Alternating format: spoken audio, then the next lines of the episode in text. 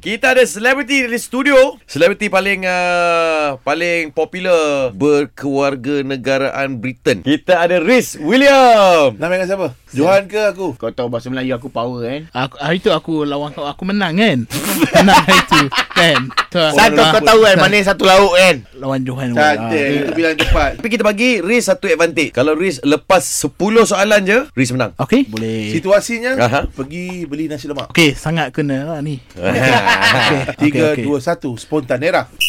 Kau nak makan apa hari ni? Kenapa kau tanya aku Bukan ajak makan ke? ah. ha. Makan apa Eh. Nasi lemak kat sini Sedap kan? Tak, sedap tak? Ha. Ah. Sedap tak? Ah. Ha. Kau pernah cuba ke Kau susah lah ni Lama tak main Lama tak main Ah. Okay Kau nak belanja aku ke? Kau ada duit ke Kau ada berapa ringgit? Lagilah lah aku Tak, rupa dah sama kan. Ah. Lupa Suara je kan ya. kantor je